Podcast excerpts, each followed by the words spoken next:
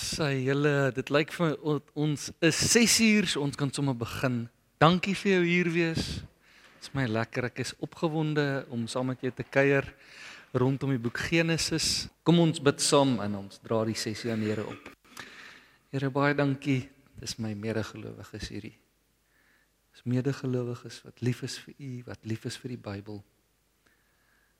En uh ons wil U naam aanroep oor hierdie geleentheid Heilige Gees en vra stig ons asseblief stig ons bou ons op.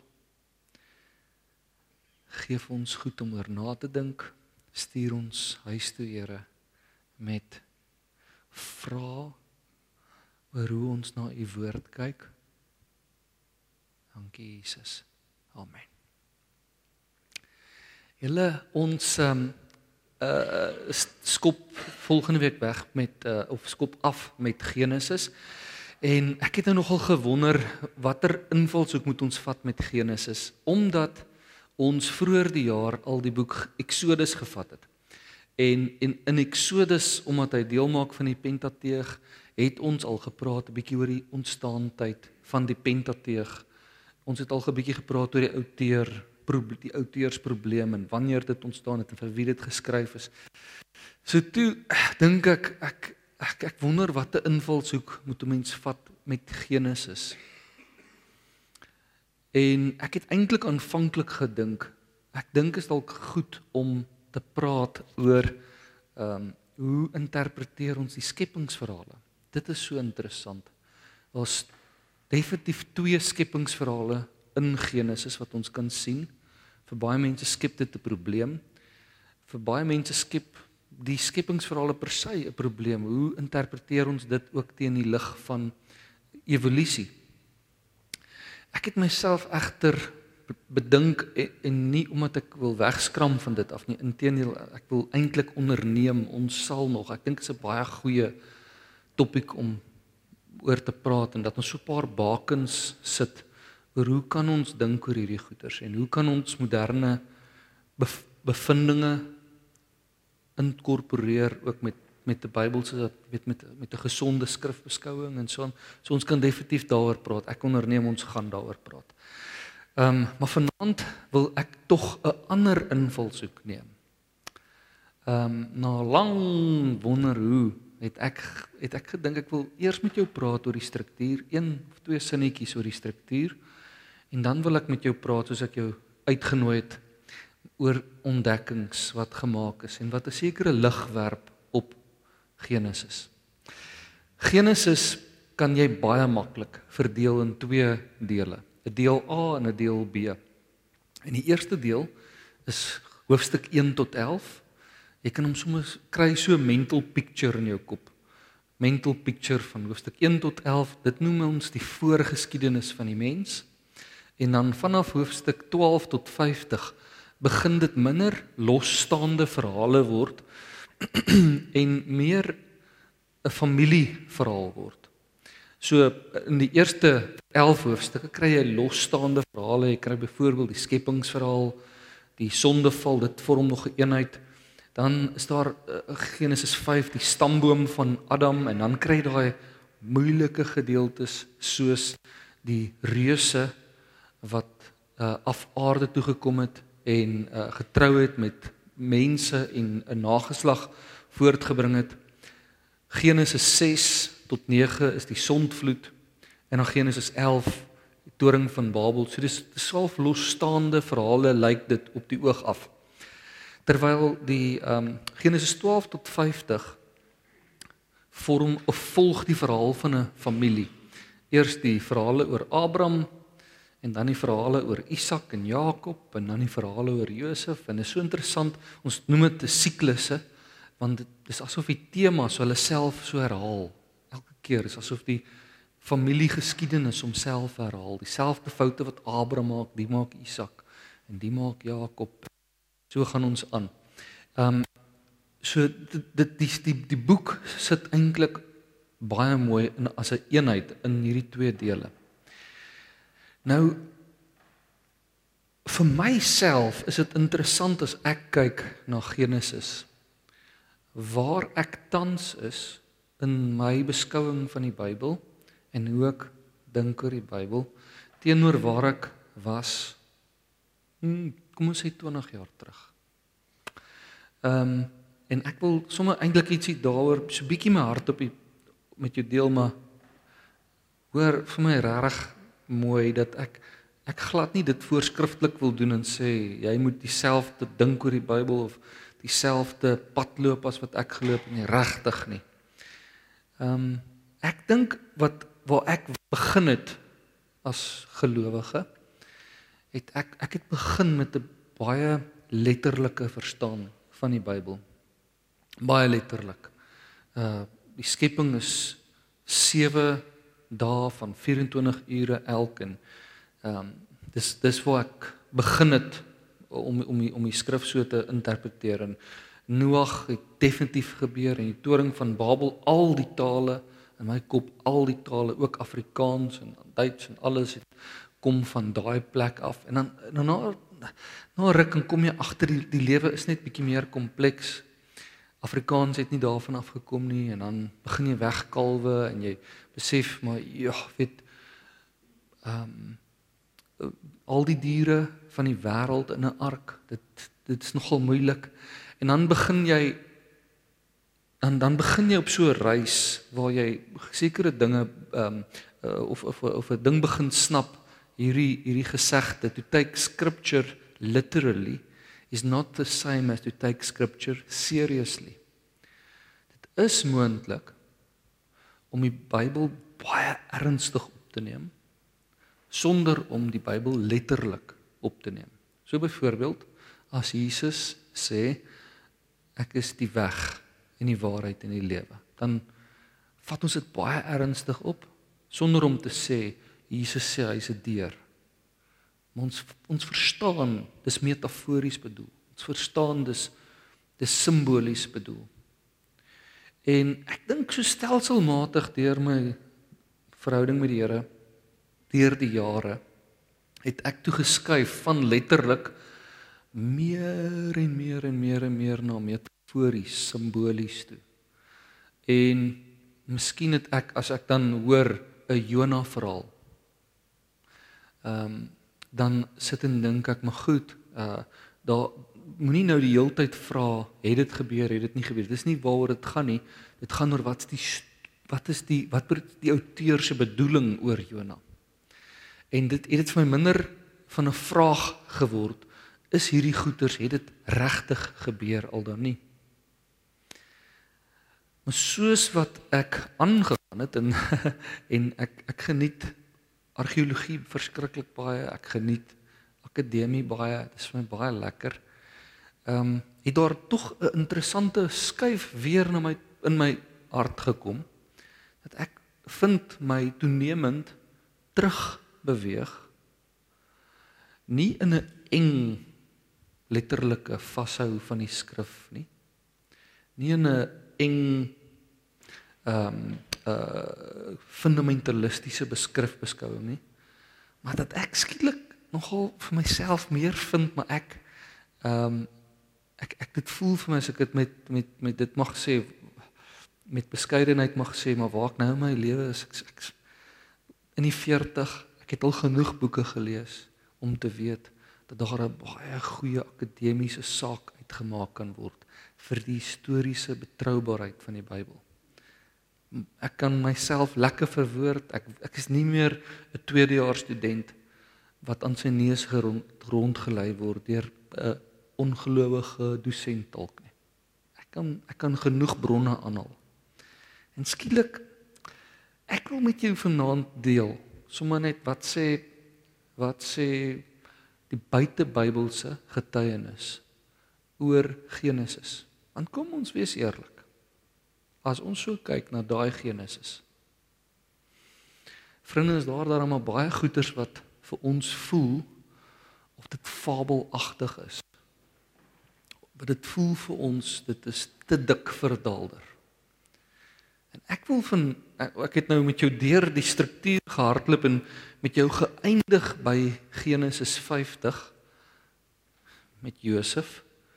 En ek wil vir jou vra, kom ons druk nou terug in geskiedenis in en ons kyk hoe ver in Genesis kan ons indruk en 'n klein afsteek vir historiese verifieerbaarheid. Haai is my wekker. Hoe hoe kan ons, hoe ver kan ons 'n klein afsteek vir historiese verifieerbaarheid? So kom ons begin by Genesis 50. En uh, so altesaam gaan ons net 10 goetertjies. Ek moet myself beperk tot 10 goetertjies. Die die eerste ene is Josef in Egipte. Verlang is daar skepties gekyk na die verhaal oor Josef in Egipte. Hoekom? Want ons weet die antieke mens het met het buitestanders met agterdog beheer met verskriklike goeie redes. Hoekom? Want as 'n buitestander inkom, dan sê hy gewoonlik 'n spioen en hy as jy hom te vinnig vertrou, dan kan hy jou jou land oorneem, né? So nie net dat jy hom met agterdog beheer nie, jy sou in beste lewens nooit hom 'n leiersfiguur gemaak het nie. Maar hier lees jy van 'n Josef wat vanuit 'n tronk uit tweede in bevel van Egipte raak. So teoreties bevat hierdie verhaal al die merkers van 'n storie, van 'n van 'n stuk prosa. En is dit gestroop van historiesiteit. Het ons gedink. En tot ons in Egiptologie ontdek het van die Hyksos prinses. Die Hyksos prinses het in uh, uh, 1700 voor Christus in ehm um, in Egipte ingekom en hulle was van semitiese afkoms. En teen uh, 1690 het hulle uh dele van Egipte tot so mate verower en onder hulle beheer gekry dat hulle die vors geword het in Egipte. En 100 jaar later is hulle ryk omvergegooi, uitgeskop en het Egiptenare weer Egipte regeer. Vandag glo alle gesiene akademici alle gesiene akademici glo dat die dat die farao wat vir vir Josef in tweede in bevel gesit het, een van die Hyksos prinses was. Hoekom? Want Josef is ook van 'n semitiese afkoms. So toe die Hyksos prinses wat van 'n semitiese afkoms is, wat die buiteland hier in Egipte nou verower, toe hulle ewe skielik hoor maar hier's 'n Josef figuur wat een van hulle stamgenote is. Dis weliswaar nie Hebreër nie. Hy sê hulle is van 'n ander uh, van 'n ander 'n uh, 'n uh, 'n kleiner stam, maar van die groter oorsprong. Is hulle deel hulle dieselfde oorsprong.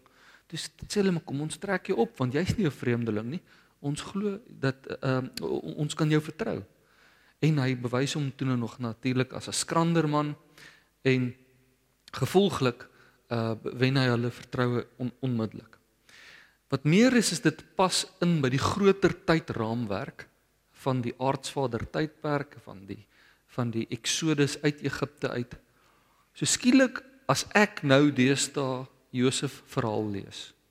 Ek dink nie meer dit is net 'n mooi storie nie. Ek daar's vir my ehm um, historiesiteit aan die verhaal maar jy kan natuurlik altyd 'n geskiedkundige waar verhaal op 'n mooi prosa manier aanbied. En dit is natuurlik wat gebeur. Die outeur vat die verhaal van Josef, van Josef vertel dit as 'n mooi storie. Maar dit maak nie dat dit nie gebeur het nie. Daar is historiese gronde waarom ek myself kan verantwoord waarom Josef in 'n vreemde land deur 'n vreemde regerder net opgetrek is in regering in. Kom ons kom ons stoot hom nog terug, nog terug. Ons het nou as as Josef se verhaal hier by Genesis 36 begin, kom ons stoot hom nog terug tot omtrent by Genesis 21. Nou trek ons by Abraham hulle. Abraham hulle vriende, dit is een van daai problema problematiese uh fases van die geskiedenis. Dis 'n geweldige vroeë fase van geskiedenis waar daar so min vir ons ehm um, artefakte is dat baie mense gesê het dat die verhale van Abraham hulle is eintlik net oorsprongsverhale. Hy's die vader van gelowiges. Dit skep so 'n storie om ons identiteit te skep, uh te te te te gee, maar dis nie regtig 'n historiese figuur nie. Maar soos wat daar goeters ontdek word, kom ons agter dat dit in die dat dat dit wat ontdek word ego binne in die teks. Soos byvoorbeeld in 1925 tot 31 is daar by die dorpie Nuzu uh uh excavations gedoen, 'n klomp ontginningswerk gedoen. En die Nuzi tablette is daar ontdek. En die Nuzi tablette was een van die grootste uh fondse wat gekry is tot op daai stadium. Hou daai datum in gedagte want skaars 2 later, 2 jaar later sou daar nog 'n groter fonds gevind word. Maar tot op hierdie stadium was dit 'n massiewe fonds. 20000 akadiese kleitablette. En daai kleitablet, ek kan dit baie maklik lees ook. Ek kan sien hy sê daarso ek is lus vir McDonald's en so aan, né? So Maar uh nee, ek terg ek, ek kan dit glad nie lees nie. Maar ehm um, dit was 'n massiewe aanwins want skielik stoot dit jou terug tot in die aardsvader tyd want hierdie dateer uit die aardsvader tyd hierdie Nuzi klei tablette. En wat die Nuzi klei tablette vir ons vertel, is dit vertel vir ons van kulturele gebruike.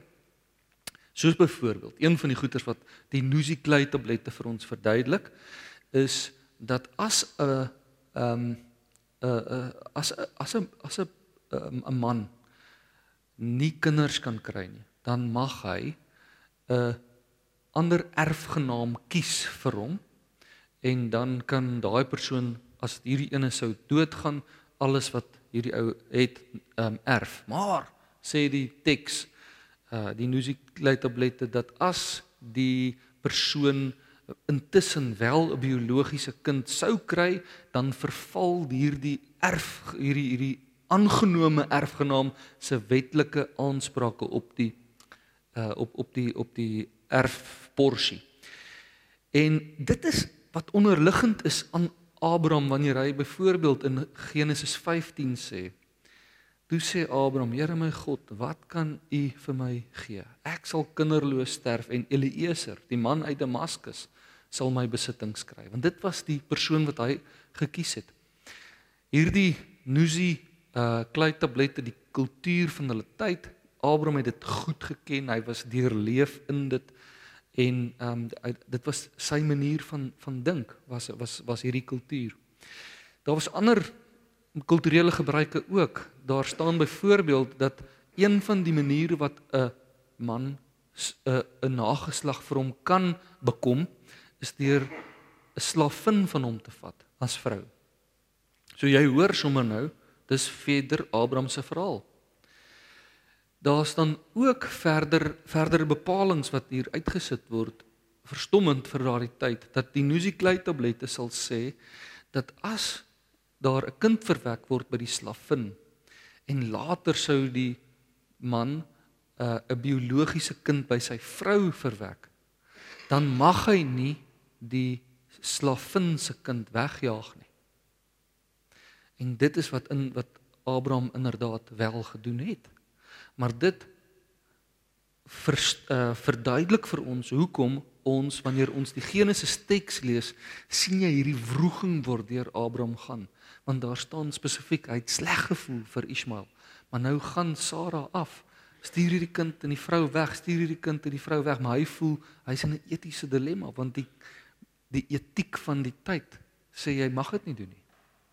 So dit stoot vir dit dit sê vir ons met ander woorde, dis daar's 'n 'n kulturele ingebednis binne in die Bybel wat strook met wat harde kliniese data vir ons sê hoe dit was.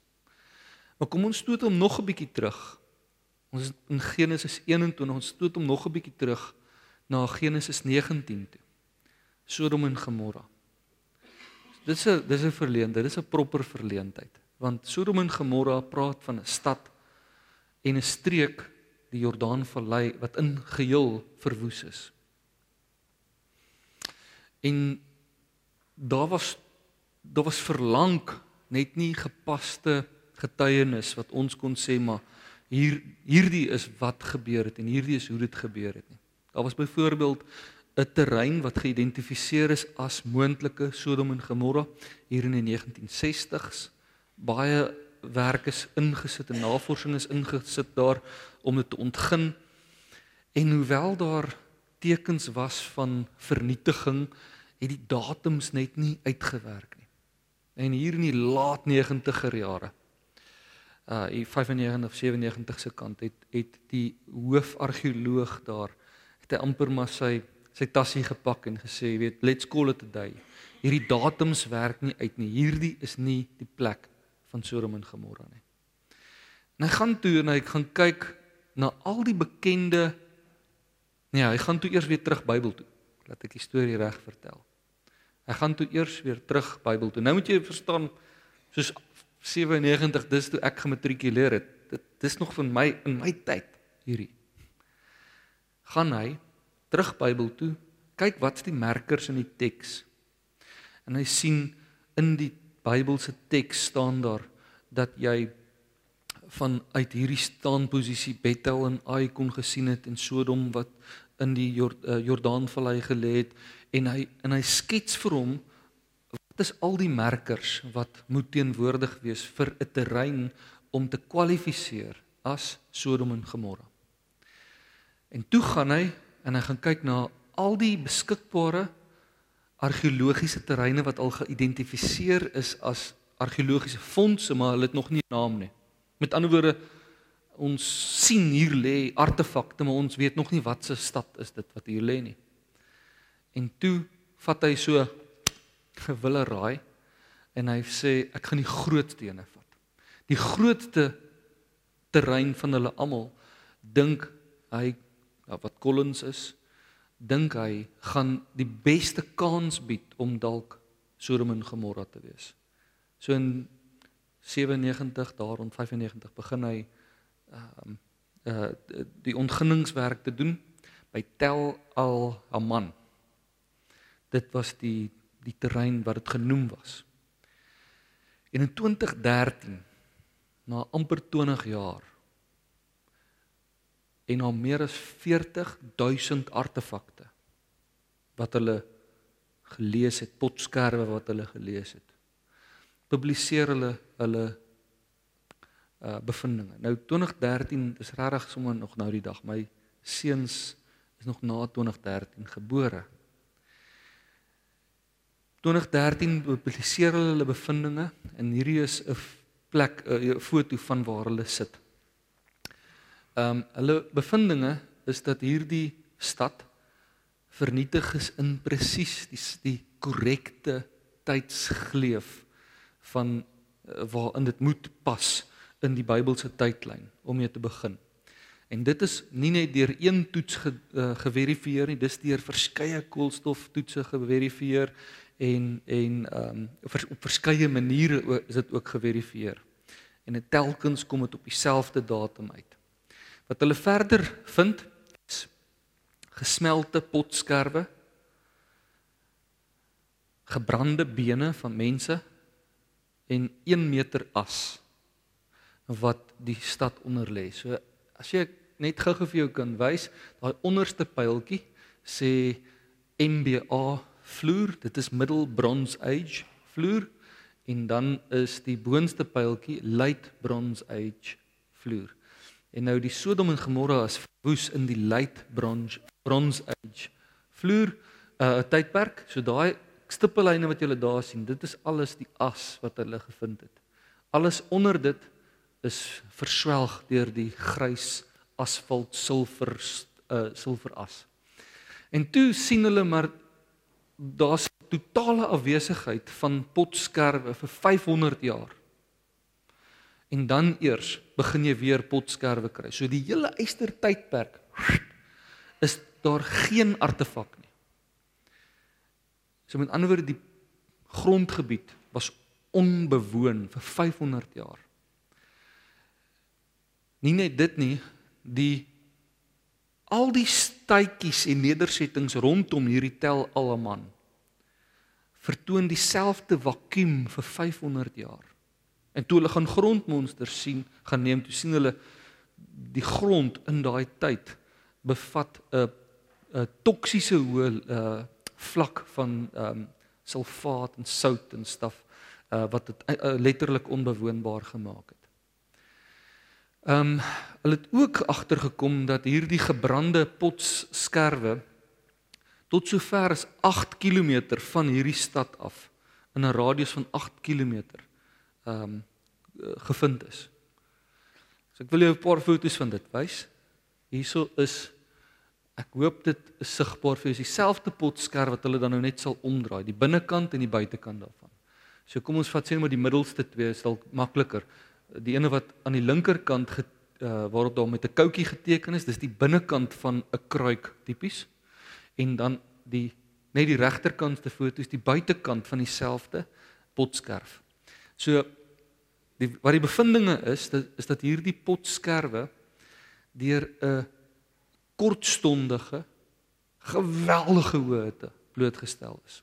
Geweldige hoëte praat hulle van 2000 Fahrenheit of 6000 grade Celsius plus tot so mate dat hierdie pot uh, die die pot die klei begin kook het en bubbles begin maak het, maar net aan die buitekant. En toe sit verby. Jammer daarvoor as dit vir jou ontstel. Hierdie is nie 'n begrafplaas nie. Hierdie is gewone mense wat in 'n oomblik vernietig is. Die bene is gebrand. Die tone is vir my ontstellend die tone sê hulle is ge, ge, ge, omgekrul van pyn. Kom ons stop net eers daar. Die so wat hulle sê is met vanuit 'n gesiene akademiese perspektief verklaar hulle dat Tel El Amin uh kan geïdentifiseer word vandag as uh Sodom en Gomorra uh die soektog na Sodom en Gomorra is afgelas. Dis geïdentifiseer. En al wat uh, kyk argeoloë moenie God inroep en God as 'n verduideliking bied nie. Dan is hulle nie proper wetenskaplikes nie. Al wat hulle kan sê is dit lyk asof daar 'n 'n 'n 'n airburst was, 'n lugbars was, soos 'n meteorietstorm of ietsie van daai aard. Aanvanklik het hulle gesê dit was dalk 'n aardbewing, sê hulle net in die aardkors daar, daar's glad nie ietsie wat kan aanleiding gee dat daar soveel ehm um, uh ehm um, uh, skade gedoen word deur 'n aardbewing nie. Dit lyk mos nou juis met die as dat dit van bo af gekom het, maar daar's geen verspiewende berge in die omgewing nie. Ek het daar geloop met my eie oë gesien. Daar's geen verspiewende berge in die hele omgewing nie. Dit het net van ergens af gekom. Dis wat die teks in die Bybel toevallig ook presies presies presies net so sê. So die plek stem ooreen die tyd stem ooreen in die Bybel. Ek vind nie genot daarin. Dis nie vir my lekker om te sê dis hoe mense gesterf het of so nie, maar ek ek sê net as ek na die Bybel kyk, dit is dit dit dis waar. Ek moet so sê. Ek dis vir my my akademiese brein sê net Ek moet so sê, anders gaan ek juis stupid wees. Kom ons stoot hom nog meer terug. Nog meer. Na die begin van van Abraham se verhaal. Abraham begin in hoofstuk 12. Maar die verhaal van die, wat hom wat hom gedek het, uh, die tafel wat gedek is vir Abraham, word al in in Genesis 11 gedek deurdat hulle die stamboom van Abraham vertel. Nou onthou jy nou-nou se Nuzi tablette wat in uh vanaf 25 uh, 25 op uh, opgegrawe is. Hier in 1933 word daar toe 'n nog groter opgrawing gemaak wat bekend staan as die koninkryk van Mari. Dit was net na die Wêreldoorlog, daar was 'n Franse wagpos naby aan Mosul van die plaaslike bevolking wou uh, iemand wat gesterf het begrawe het. Hulle het begin 'n gat grawe toe kom hulle af op mensbeendere en toe gaan roep hulle die Franse sol, die Franse bevelvoerder. En toe hy daar aankom, toe besef hy wat ek nou sien is iets astronomies. Die gebied is toe vir omtrent 8 seisoene lank uh, ontgin. En wat dit gebleik gebleik het is dat dit 8.6 hektaar groot is. So hierdie is 'n ligfoto uh van die hele koninkryk van Mari. 260 sale en howe uh wat aan mekaar verbind is soos vertakkings wat wat hulle wat hulle as hulle een plek opgrawe dan is hy vertak en verbind met nog 'n saal en nog 'n hof 25000 dokumente wat gevind is binne hierdie. Nou hierdie hierdie uh koninkryk van Mari was 'n vredeliewe vredelewende koninkryk en hulle is toe ingeneem deur Babilonië. Die potte met die kole wat aan die brand gesteek is om die paleis af te brand. Van dit het alles nie af het nie vlam gevat nie. So ontsettend baie van die muur ehm um, skilderye is selfs vandag nog beskikbaar waarvan die die verf se kleur nog nie eers ver, ver uh, vervaag het nie. Gelukkig nie. So soveel van hierdie artefakte is nog beskikbaar. Hoekom is die koninkryk van Mari een van die belangrikste opgrawings vir ons? Want in die koninkryk van Mari se 5 se se 25000 dokumente is daar verskriklik baie briefwisseling tussen die koning van Mari en die stadshouers soos soos amper soos burgemeesters of so van daardie tyd. Dit was 'n 'n koninkryk wat hulle op prys gestel het dat hulle goeie diplomatieke betrekkinge handhaaf met hulle bure. En die koning uh, en en gevolglik lees ons dat omtrent 100 mense net vir sy binnelandse uh net vir sy buitelandse kantoor uh uh, uh benodig was om die pos wat in en uit gaan moes hanteer. En die pos is natuurlik kleitablette nê Nou hoekom dit belangrik is vir ons is in een van hierdie 25000 dokumente wat almal nog nou nog nie eers heeltemal ontgin is nie lees ons van die name van Peleg, Serug, Nahor, Tera en Haran En dit is die presiese name wat ons van lees in Genesis 11. Die verskil is in hierdie aard in hierdie dokumente van die koninkryk van Mari word hierdie name in verbinding gebring met stede van daai tyd. So wat dit beteken is 'n stamvader, kom ek sê ek is Nati. Ek vind 'n fontein met 'n mooi boom en ek sê hier slaan ons kamp op. En later bly my vier seuns met hulle vrouens hier en hulle kry kinders en hierdie plek waar ons bly staan naderhand bekend as Nati. En dis presies wat gebeur het met Nahor en Tera en Haran. Dis regte mense gewees wat hulle begin vestig op 'n plek en naderhand staan hierdie nedersetting bekend as Nahor, Tera of Haran. En toe begin die koninkryk van Mari met die stadshouers, die kom ons sê die burgemeesters van Nahor, Tera en Haran briefwisseling te hê want hulle wil goeie diplomatieke betrekkinge handhaaf. Maar wat dit vir ons beteken op die ou ende is dat ons kan sê onteenseglik daar was sulke stede so daar was sulke mense gewees. So ons stoot die historiese aanspraak, die die die aanspraak op historiese tyd stoot ons nou al terug tot op tot in Genesis 11 waar ons reg nog tot betreklik onlangs in ons in in, in my tyd was dit mode geweest om te sê hierdie ouens het nie bestaan nie dit is verhale ons ek ek dink net die getuienis is so oorweldigend dat jy eintlik nogal jou naam met 'n plank gaan slaan as jy nog wil sê ehm um, dat dit is net stories. dat daar geen historiese onderbou is nie. Maar kom ons kyk of ons hom nog nog meer kan terugstoot. Soos al in Genesis 11 ons probeer hom nog ver, verder terugstoot. Die toring van Babel. Nou dit is definitief een van daai verhale waar ek was wat ek gedink het definitief nie gebeur het nie. Dis 'n figuurlike storie. Dit is 'n dis 'n storie wat 'n ander boodskap probeer verkondig. Maar wat ek hier vir wys is 'n is 'n steen, 'n swart steenstele noem hulle dit. En die ding se naam is die die stele van ehm um, van uh, die toring van Babel. Is in 2011 ontdek. En dit daai is nou maar 'n uh, uh, met 'n laser om dit vir jou duideliker te wys wat hy uitbeeld.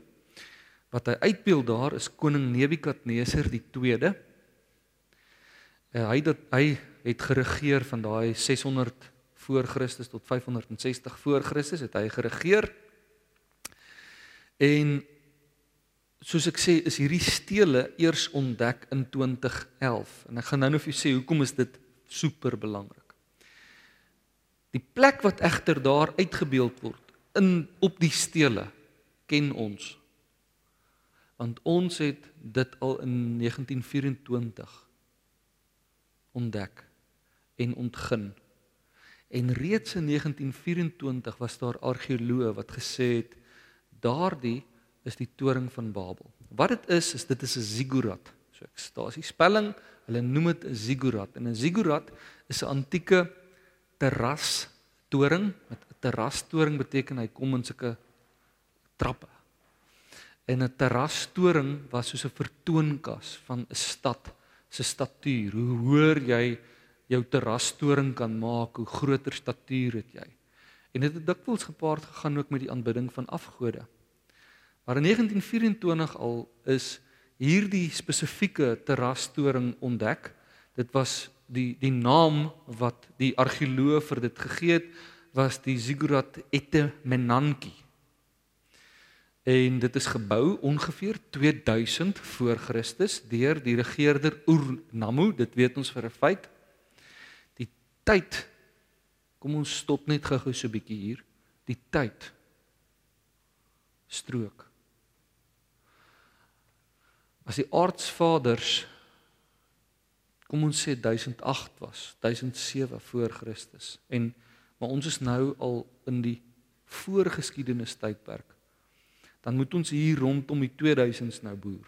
2000 voor Christus. So die die die tydstrook is gebou deur die regerder Ur-Nammu 2000 voor Christus. Sy basis is die grootste wat hulle nog ooit gekry het. 62 by 43 meter met 'n allermintige 91 meter hoog. Nou dit is massief vir antieke standaarde. Ek meen vir ons is dit actually hoog. Ons, ek dink nie in George Star gebou wat 100 meter hoog is nie. Maar vir antieke standaarde was dit massief geweest. Die gebou het bestaan uit 6 vlakke. Jy sien hom hier uitgebeeld op die stele en ons sien ons weet dat dit, dit ons het hom ontdek. Hy's gebreek, maar ons kon hom gerekonstrueer het. Dis hoe hy lyk. Met die stene wat ons het, weet ons dis hoe hy lyk. Bestaan uit 6 vlakke en die laaste vlak was 'n tempel vir die gode. Niemand het daar gebly nie. Hulle het gesê hulle bied dit as 'n huisvesting aan vir die gode. So Ur-Nammu het in 2000 voor Christus hierdie ding gebou. En toe is toe is die uh uh uh stee die toe is die ziggurat beskadig. En toe Nebukadneser op die toneel kom, het Nebukadneser 'n klomp van hierdie heilig heilige plekke oor die land het hy dit op hom geneem om dit te, her, te herbou hy en sy paal en sy voorgangers. En hierdie spesifieke ene het oor die 80 jaar geneem om te herstel. En is eers herstel in die tyd van Nebukadneser 2de. Dit meer as 80 jaar gevat. Dit ons alles vir feite ons hoef nie skaam te wees oor dit nie. Dit ons sê dit net ons duim uit nie. Dis in die Babiloniese literatuur. Toe kom Alexander die Grote aan bewind hier by uh 300 uh voor Christus. Neem Babilonië in kom by hierdie ding en sien tussen 500 en 300 500 wat Nebukadneser geleef het en 300 sal 200 jaar en die die ziggurat het alweer skade opgetel. Kom hy en hy gee toe sy manskappe bevel om hierdie ziggurat te herstel. 10 jaar verloop, hy kom weer by hierdie ziggurat en sy manskappe het nog nie begin nie. Daar was seker te veel oorlog of wat en hy vererg homself daar vir hulle en hy sê vir hulle nou breek hulle die hele ding af baksteen vir baksteen en ons gaan herbou hom baksteen vir baksteen. Seker na 'n plek wat nader aan hom was, maar hy wou hierdie massiewe indrukwekkende ding gehad het dat dit geherbou word baksteen vir baksteen. En ongelukkig sterf hy voordat hierdie taak voltooi kon word. So ons sit met klomp geskrifte, ons sit met 'n klomp bakstene en ons sit met die met die met die met die fondasie. Daar's die fondasie, 'n ligfoto van die fondasie. Ons het toe alreeds ons is die mense, die argeoloë het in 1924 al gesê toe hulle dit ontdek het. Dit is by verre die grootste ziggurat wat nog ooit dit is dis pretty amazing. En as daar van al die zigguratte 'n ziggurat moet wees wat jy sê wat 'n kandidaat is vir die toring van Babel, dan dit dit. Maar toe daai swart steen in 2011 ontdek is wat nou soos in gister is in terme van wêreldgeskiedenis tydperke. Toe weet ons dat die aanvanklike uh motivering dat dit die die toring van Babel is, dat dit korrek is. En weet jy hoekom? Op hierdie swart steen stele staan die volgende geskryf: I made it the wonder of the of the people of the world. I raised it top to the heaven, made doors for the gates and covered it with bituminous asphalt and bricks. Dis soos woordeliks verbatim die Genesis verhaal wat Nebukadneser hier oor sy lippe neem. En die eerste argeoloog wat hierdie uh, uh gepubliseer het sê dat dit waarskynlik was dit die woorde eers van Ur-Nammu wat dit heel eerste ge uh, die die die ding gebou het. En toe Nebukadneser dit in 500 voor Christus geherstel het en gerestoreer het Nebukadneser dit vir hom sy woorde gemaak. En gevolglik en dit strook verbatim met die Genesis verhaal van wat daar gesê is wat die mense gesê het oor hierdie oor hierdie toring.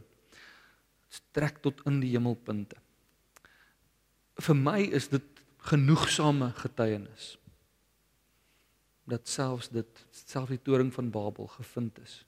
Daar's definitief nog steeds prosa trekke in die teks. Die teks probeer nie per se om 'n historiese dokument te wees nie. Daar's belangriker teologiese motiewe wat hy eintlik wil by wil tuisbring. Soos die feit dat die mense, dis die tema wat jy deeltyd kry Ek was eintlik bang dat julle vir my gaan vra, hoe gaan ons interpreteer dat die mense met die hemelwesen seks gehad het? Maar dis die tema, die een verhaal na die ander verhaal gaan oor mense wat hulle self wil verhef.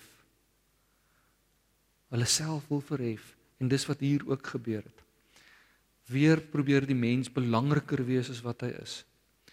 Uh so daar's teologiese motiewe wat in die boek Genesis sterker gestoot word om 'n om 'n les oor te dra. Maar net omdat dit teologies geskryf is, beteken dit nie dat daar geen historiese onderbou is nie. Nee, ek sal nie meer val vir dit nie. Maar kom ons kyk hoe stoot ons hom nog terug. Die vloedverhaal. Oh, ek dink ek het ook in my pendulum swaaye deur die lewe al gekom by plekke wat ek gedink het, hmm, miskien is die vloedverhaal net ook 'n mitologiese verhaal. Miskien ek weet nie hoe om dit te verdiskonteer dat Moses ag dat Moses dat Noag ehm um, olifante en dies meer gevat het op 'n ark nie. Ek ek weet nie. Maar dit is bevrydend vir my om skielik te hoor dat daar nie net die Bybel is aanspraak maak daarop dat daar 'n vloed is wat die hele bekende wêreld van sy tyd oorstroom het nie. Inteendeel, daar word nie minder as 4 verskillende antieke geskrifte wat ons vandag al opgegrou het wat hierdie aanspraak maak. Die Gilgamesh epos is die ene wat hier uitgebeeld word. Hier Gilgamesh met so 'n jong baba leeuetjie hier onder sy arm. Daai leeu lyk nie happy nie. Hy gaan nou ark toe. Vier ander buitebybelse geskrifte maak daarop aanspraak dat daar 'n wêreldwye vloed was. 'n Wêreldwye wat ons daarmee bedoel is nie tot hier in George nie. Wêreldwyd beteken die bekende wêreld van sy tyd. So met ander woorde, daar was definitief nie olifante en kameelperde op die kom op die op die ark nie, want uh, daai goeters leef nie in daai wêreldstreek nie. Maar die diere wat daar was, mag dalk daar op op daai ark wel gewees het. Die feit dat hier 'n aanspraak gemaak word tussen kulture, tussen nasies heen dat al hierdie nasies weet, hulle dra kennis van 'n wêreldwye vloed, sê vir my dat die kans dat dit gebeur het is beter as wat ek aanvanklik wou toegee. En dan is dit vir my interessant dat 'n mens sien dat selfs natuurwetenskap is, wetenskaplik is wat kyk na die omgewing en na redes soek om natuurverskynsels te verklaar deesdae praat van dat daar 'n vloed was in daai gebied. En wat hulle sê is hulle sê dit was die Mediterrane See wat vanweë verskillende scenario's wat hulle skets oorgespoel het in die Swart See en dat die Swart See sy sy grense oorsteek het en die die gebied gevloed het. Met so volume het die Mediterrane See in die Swart See ingestoot dat dit per dag 200 keer meer volume water ingestoot het in die Swart See as die Niagara watervalle. Dis wat natuurwetenskaplikes sê, daar is mense wat getuienis vind om dit glo, daar's ook mense daai hipotese tans nog afskiet. Dis nog 'n hipotese waarmee natuurwetenskaplikes worstel. Dit is vir my net interessant dat hulle dit dat dat daai iets out there. Ehm um, dit word geweeg tans. Dit maak natuurlik 'n klomp vrae los oor watter een van hierdie verhale was eerste en wie by wie afgekyk is 'n topik vir 'n heel ander dag. Vir my is dit egter die punt wat ek vanaand wil maak is dis nie net die Bybel wat hierdie aanspraak maak dat daar 'n vloed was nie. Mense deur die bank van daai tyd sê 7.500 jaar terug was daar in daardie streek 'n vloed wat die bekende wêreld van daai tyd uh oorspoel het. Ek glo dit. Ek glo dit. Wat sê ons van Noag se ark? So hierdie ene wil ek baie temper. Mens, ek wil dit baie temper so. Ook die akademikus in my wil nie te vinnig sê jy's ons hierdie Noag se ark gekry nie. So asseblief, ek sal so skaam wees as dit moet uitlek dat julle sê Natie sê die ark is gekry. OK, asseblief, ek sê dit nou baie spesifiek die ark is nog nie gekry nie. Ek wil wel met jou 'n paar goeters deel wat net die tans nagevors word. OK. Daar's twee plekke wat daar's meer as twee terreine wat ondersoek word tans. Ons het net tyd vir twee. Die ene is op die berg Ararat en interessant genoeg die Bybelse teks sê nie dit het op die berg Ararat te lande gekom. Dit die Bybel sê dit het in op die Ararat berge, die bergreeks tot eh, tot tot stilstand gekom. So hierdie is 'n ligfoto geneem 1949 ehm um, en die uh, deur 'n verkenningsvliegtuig van Amerika. En dit is eers hierso as ek dit reg kan onthou in die 80s. Ons kan nou nou na die notas toe teruggee. Uh bekend gestel groot bohaai het losgebreek Daar's gelukkig 'n meer onlangse foto deur die Ikanos satelliet geneem. Hier is hy. Ehm uh, die daar's niemand, daar was nog geen ekspedisie wat dit gemaak het tot hier nie. Oor verskeie redes. Die gletsers is te gevaarlik. Ehm um, maar ook dit is 'n baie militêr sensitiewe terrein vir Turkye. So hulle gee nie sommer toestemming vir jou om daar in te gaan nie. Was wel in 2006 ehm um, 'n span van Hong Kong wat aanspraak daarop maak, 'n span avonturiers wat aanspraak daarop maak dat hulle die ark gevind het. As jy daai video's op YouTube gaan kyk, dit lyk actually nogal vir 'n oomblik nogal legit. Die dilemma van daai span van Hong Kong is hulle weier om hulle bevindinge te deel met die res van die wêreld. Hulle wil nie sê waar hulle dit gekry het nie. Hulle hulle wys hulle videomateriaal, daar's dit. En hulle klop so ook aan die hout en dit dit dit, dit lyk indrukwekkend. Maar omdat hulle nie bereid is om dit te onderwerp aan toetse nie, kan ons wat nie aan ons neuse rondgelei wil word nie. Kan ons nie net goedskiks net sê okay dis die ark nie. So ek gaan nie daai ding sê nie. Inteendeel, hulle sê dis hulle wil dit nie oopstel nie want anders word die plek vertrap. Ek dink hulle hulle skerm so bietjie. Ek dink ek dink daar's 'n slang in die gras. Ehm um, die mense wat hier nog gekyk het na die beeldmateriaal sê dit lyk vir hulle meer na die geoloog wat hierna gekyk het, sê dit lyk vir hulle meer na 'n versteende steen as wat dit na versteende hout lyk. Dan is daar 'n ander terrein wat ook interessant is wat tans bestudeer word vir die vir die ark. En dit is die plek Durupinar. Ook in Turkye, so 30 km van die piek Ararat af. So is nog steeds binne in die Ararat gebergtes En hierdie is 'n ligfoto van hierdie gebied.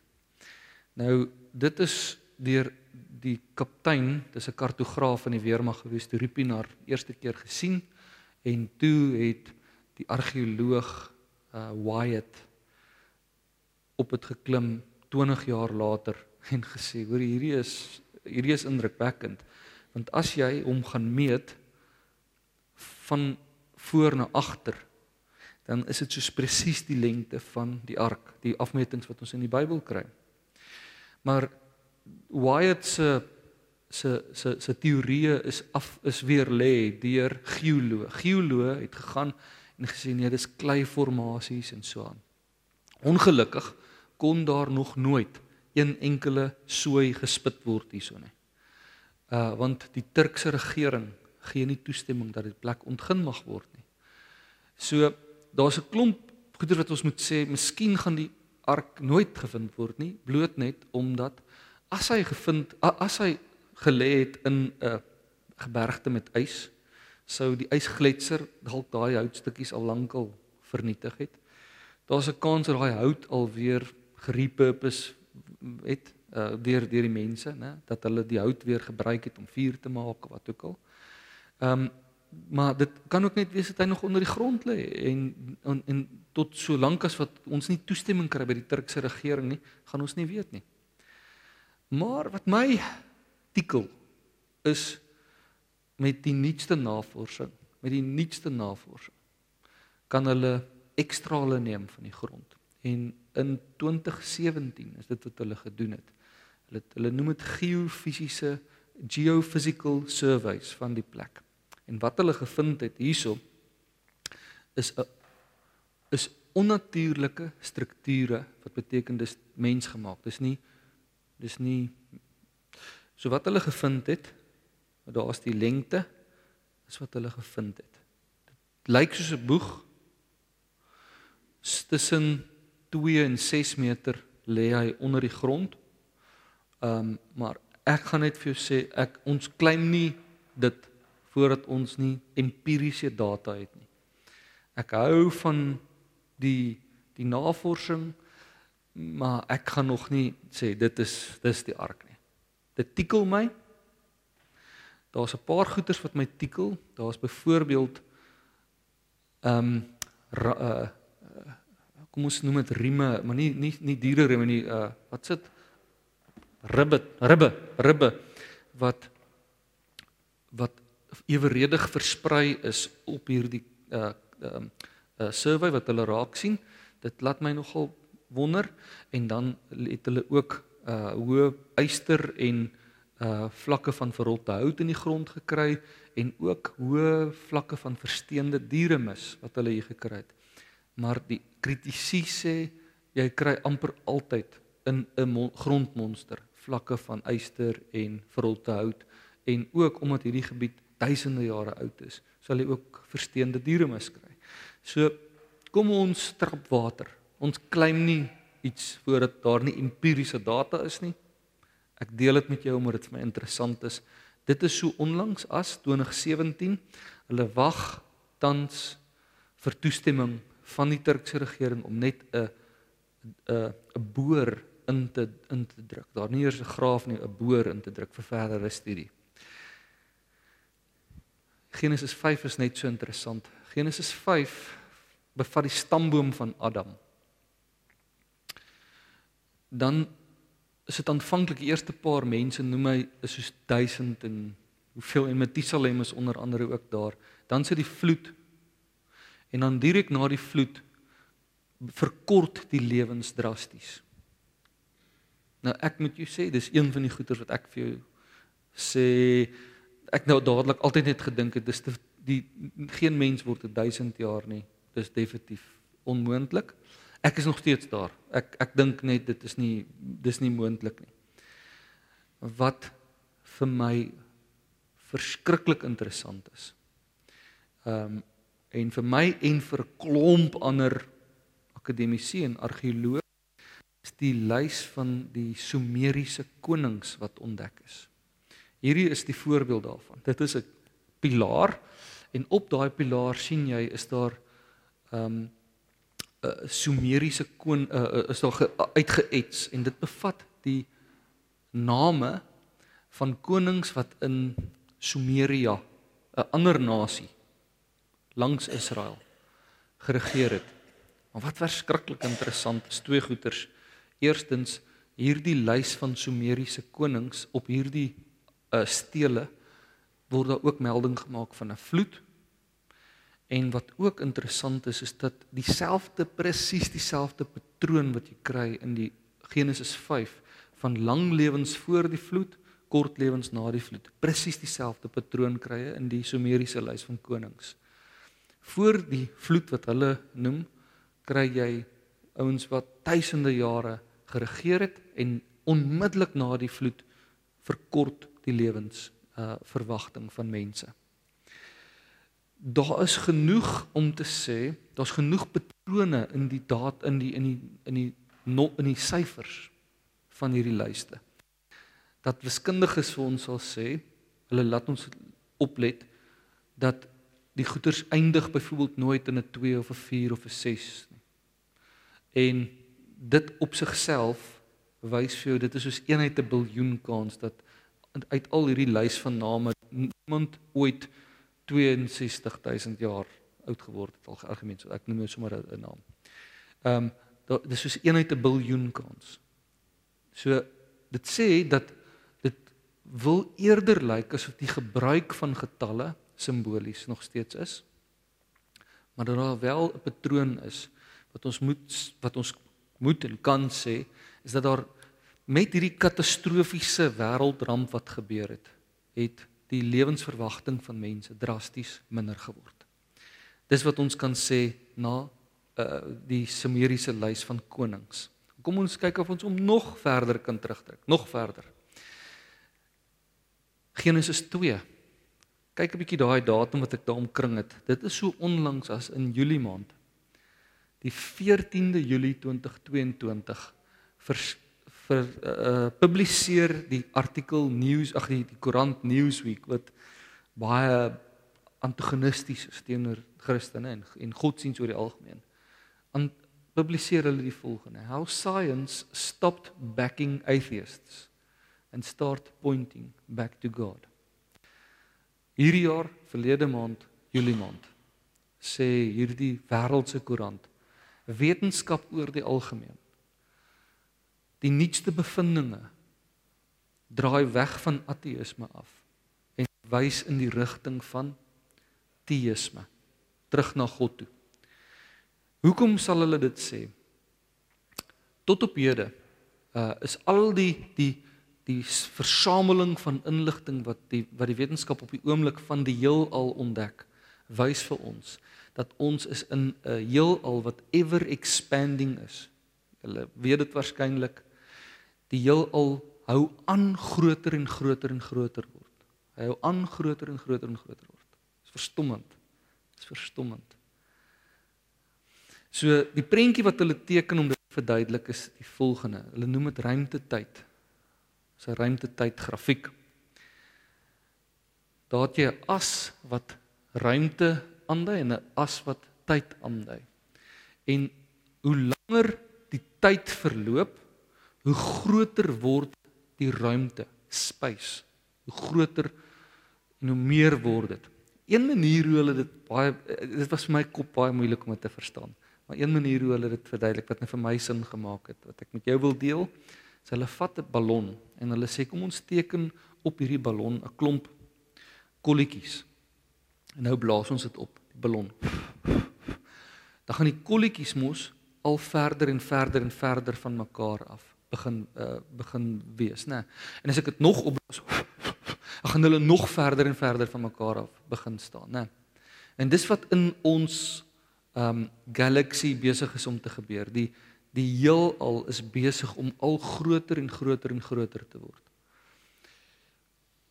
Die verstommende is dat as jy dit sê, dan noop dit jou om ook terug in tyd te gaan. Want as ietsie aanhou groter word, dan kan ons mos ook in trirad gaan en dan word hy al kleiner.